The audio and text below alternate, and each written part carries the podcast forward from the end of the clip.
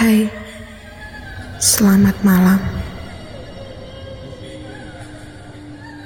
Malam Jumat, malam horor.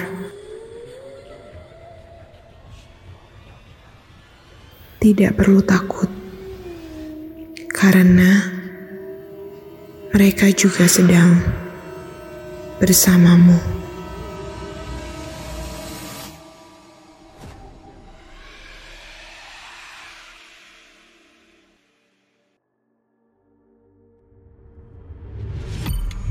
Selamat datang di segmen Sajen.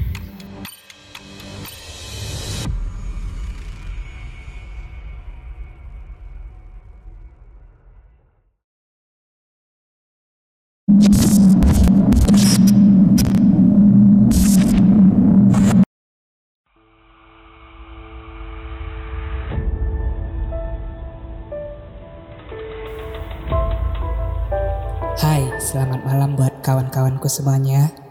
Apa kabar? Sudah siap mendengarkan cerita horor dari segmen Sajian Tukar Tanya? Nah, di episode ini kita tetap akan membahas mengenai hantu yang berasal dari ranah Minangkabau. Pada malam ini kita akan membahas mengenai sosok hantu yang bernama Urang Bunian. Masyarakat Minangkabau sangat tidak asing dengan nama orang bunian ini. Sosok ini tidak jauh berbeda dengan manusia pada umumnya. Bedanya, orang bunian ini tidak mempunyai lekukan di bagian bawah hidungnya serta perawakan tubuh yang terbilang lebih kecil. Orang bunian ini biasanya tinggal di pergunungan, perbukitan, dan rumah-rumah kosong yang tidak berpenghuni. Masyarakat Minang memiliki keyakinan jika seseorang hilang di daerah hutan, maka orang tersebut telah dibawa ke dunia orang bunian. Konon katanya, orang bunian ini hanya mau menampakkan sosoknya kepada orang yang mereka sukai saja. Jika orang bunian ini menampakkan wujudnya kepada seseorang, maka itu pertanda bahwa ia tertarik dan ingin membawa orang tersebut ke desa gaib mereka. Cerita ini terjadi saat aku sedang berlibur di salah satu daerah yang berada di Sumatera Barat. Desa ini terletak di sebuah kaki gunung. Rencananya, aku berlibur selama musim libur sekolah usai. Liburnya terhitung selama dua minggu. Masyarakat daerah ini menggunakan hutan sebagai lahan berladang. Begitu juga dengan pamanku atau yang biasanya aku panggil dengan mama. Mama adalah panggilan kemenakan kepada saudara laki-laki ibu. Hari ini rutinitasku sedikit berbeda. Aku mengikuti keluarga pamanku ke hutan untuk memanen hasil ladang. Terdiri dari istri pamanku yang biasanya aku panggil dengan Etek. Serta tiga orang anaknya yang bernama Almira, Hasan, dan Rudi. Mereka berusia lebih tua beberapa tahun dariku. Kami berangkat saat mana hari masih pagi. Sekitar pukul 8. Ladang pamanku ini lumayan jauh di tengah hutan yang berada di atas gunung. Uniknya, di sebelah ladang paman terdapat sebuah sungai yang cukup besar. Terdapat banyak bebatuan di sana. Sesampainya di ladang, kami bekerja hingga petang. Hari ini adalah hari Jumat, sehingga pamanku dan dua orang anak laki-lakinya harus turun gunung. Mereka harus turun gunung untuk melaksanakan salat Jumat berjamaah. Kami mengetahui bahwa sebentar lagi akan ada salat Jumat dengan keras menyetel radio. Karena suara azan masjid tidak akan terdengar hingga kemari. Mengetahui hal tersebut, pamanku beserta anaknya pergi untuk melaksanakan salat Jumat. Sekarang hanya tinggal aku, Etek dan juga Almira. Sebenarnya ada yang janggal dilakukan oleh keluarga pamanku ketika mereka sampai di gubuk yang berada di ladang mereka ini. Mereka menyalakan api unggun ketika baru sampai di sini. Yang ketika aku tanya mengenai hal itu, mereka hanya menjawab agar tidak ada hewan buas yang mendekat. Seperti beruang. Jujur saja, aku tidak percaya dengan perkataan pamanku. Tapi karena mereka tak ingin membahas ini lebih lanjut, aku hanya bisa diam. Menyimpan segala rasa penasaran. Lalu mereka menyalakan radio dengan keras. Padahal ketika kami di ladang, suara radio itu tidak terdengar sedikit pun. Meskipun mengganjal, aku tidak berani menanyakan hal itu. Lagi pula aku juga takut mendengar penjelasan mereka. Nanti mereka malah menceritakan hal-hal yang berbau mistis. Matilah aku dengan segala rasa takut. Ya maaf saja, kalau aku sangat takut dengan hal, -hal seperti itu. Saat sedang sibuk mengobrol, kami mendengar suara teriakan, "Oi!" Yang keras dari tepi sungai. Lantas kami menoleh ke arah sumber suara. Ternyata itu adalah seorang penduduk yang berusaha memanggil istri pamanku. Kami menghampiri ibu tersebut. Ternyata ingin berbagi hasil panennya. Bibi dan ibu itu masih aja bercerita panjang lebar. Aku yang bosan hanya bisa celingak-celinguk memperhatikan sekitar. Hingga aku melihat sebuah kain putih, mirip handuk yang dijemur di atas batu besar yang berada di tepi sungai. Aku mencolek ke Almira, kemudian bertanya, Kak, emang boleh ya mandi tengah hari di sungai kayak gini? Tanya aku penasaran. Ya nggak boleh, Pak Mali. Nanti kamu diculik hantu ayah. Jawab Kak Almira dengan santainya. Terus, itu kain putih apa? Kelihatannya kayak handuk Tanyaku sekali lagi. Kali ini menunjuk lokasi di mana kain putih itu berada. Kang Miras ketika menoleh. Kemudian ia berkata, Kakak nggak tahu, mungkin itu kain salah satu penduduk yang tertinggal di sana. Aku hanya mengangguk-angguk mengiyakan, karena bisa saja itu barang penduduk yang ketinggalan. Tapi tak lama aku mendengar suara teriakan anak kecil. Suara itu terdengar cukup keras di telingaku. Pak, apa? Jangan tinggal deh.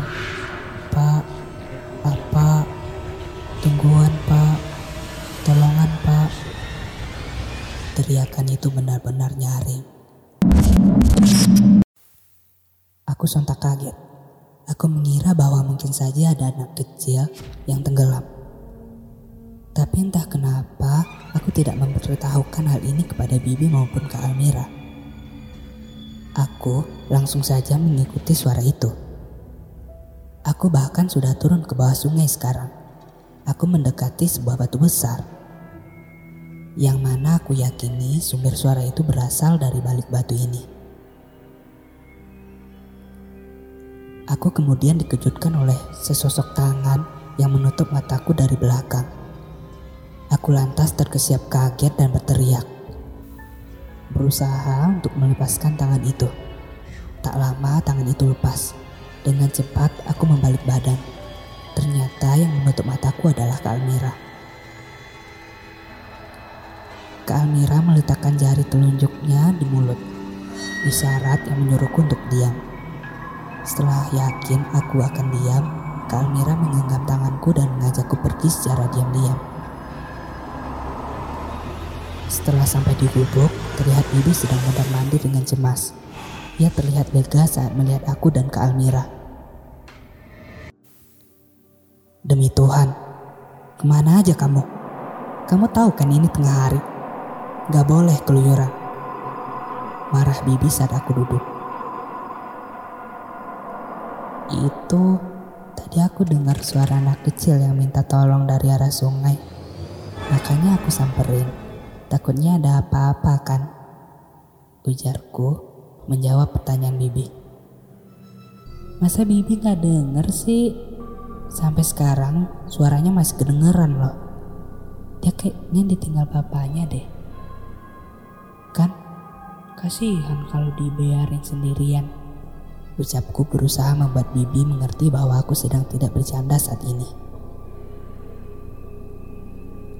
Mereka, Bibi dan Kak Almira bertukar pandang. Aku menatap mereka heran. Mereka pikir aku ini bohongan ya. Suara anak kecil itu sangat jelas dan bahkan keras. Bagaimana mungkin mereka tidak mendengarnya? Bibiku dengan tangannya yang gemeteran menutup kedua telingaku. Ia menatap mataku lambat-lambat.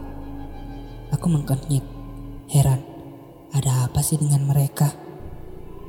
Ada yang salah ya? Aku menyentakkan kedua tangan bibiku dengan kasar. Ih, apaan sih Bi? Masa Bibi nggak dengar suaranya? Sekeras itu loh. Aku nggak gila Bi. Bibi tega lihat anak kecil nangis-nangis kayak gitu sendirian. Teriakku kepada Bibi. Bibiku memegang kedua bahuku, menatap mataku dan lalu berkata, Nak, apa yang kamu dengar itu nggak nyata. Jangan tergoda dengan panggilannya.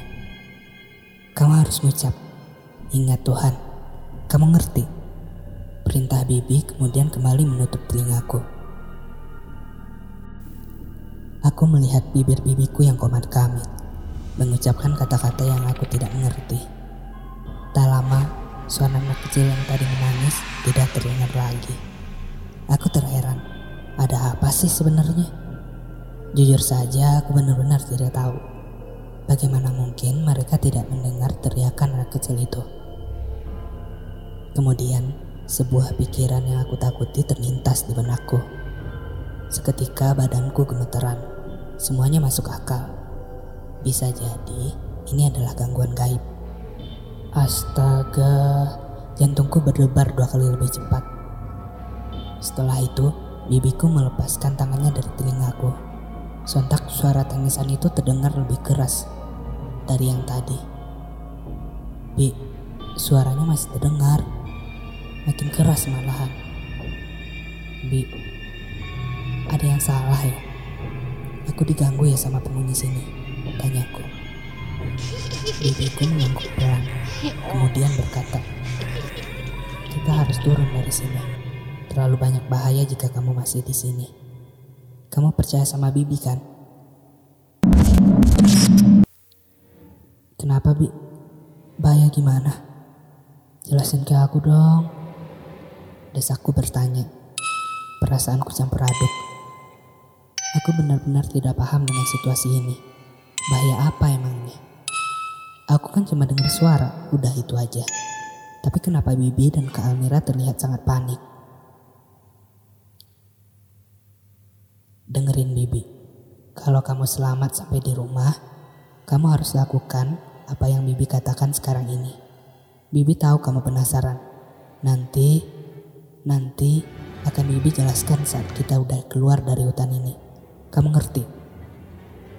perintah Bibi dengan tegas. Aku pun mengangguk-angguk, menelan air ludah sendiri. Kita akan turun dari gunung ini, keluar dari hutan ini. Tapi mata dan telinga kamu harus ditutup. Meskipun kamu mendengar suara-suara, apa pun itu jangan dihiraukan. Bibi dan Kak Amira akan menuntun kamu jalan. Jadi jangan takut. Sama satu hal lagi, Bibi dan Kak Amira selama di perjalanan gak akan bicara. Jadi, selama di perjalanan kamu mendengar suara Bibi atau Kak Almira, maka itu bukan kami. Aku pun mengangguk. Bibi kemudian mengikatkan selendang ke kepalaku. Aku berjalan dengan ragu-ragu. Aku benar-benar tidak bisa melihat jalan. Tapi aku memberanikan diri untuk melangkah. Selama beberapa menit pertama, tak ada hal yang aneh. Semuanya diam, hanya suara angin dan gemersik pepohonan yang terdengar. Entah berapa lama, aku tak tahu. Semua terasa sangat lama dan menyakitkan untukku. Tiba-tiba, tak terasa lagi tarikan yang menyuruhku untuk tetap berjalan. Kemudian, selendang yang menutupi mata dan telingaku dibuka. Aku disambut dengan pemandangan wajah Bibi dan Kak Almira yang kehabisan napas dan wajah lega mereka. Bagus, kamu pintar ngikutin perintah Bibi. ujar Bibi, kemudian memelukku dengan erat. Sore itu, saat pamanku ke rumah, saat itulah diceritakan bahwa yang aku kira itu adalah manusia, ternyata itu orang bunian. Mereka berusaha untuk membawaku ke desa mereka. Saat aku bilang aku mendengar suara anak kecil, Bibi dan Kak Almira tak pernah mendengar suara itu. Mereka mengatakan itu adalah cara mereka untuk membawaku. Ketika aku sudah melihat wujud mereka, maka tidak ada peluang lagi untuk pulang. Mereka pasti sudah membawaku ke dunia mereka. Maka dari itu, Bibi dan Kak Almira panik, serta menutup mata dan telingaku saat turun dari gunung. Karena aku bisa saja melihat sesuatu yang tak seharusnya dilihat.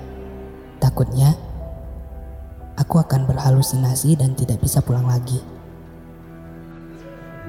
Tapi aku tak pernah mengatakan pada mereka bahwa aku melihat tiga sosok pria kecil yang berada di tepi sungai tadi.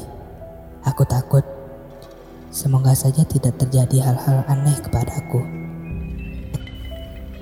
Untuk kamu yang tidak takut, mencoba berani atau pernah mendengar dan ingin berbagi kisah horor lainnya, bisa langsung mengirimkan ke email tukartanyahoror@gmail.com atau bisa cek di highlight Instagram tukartanya.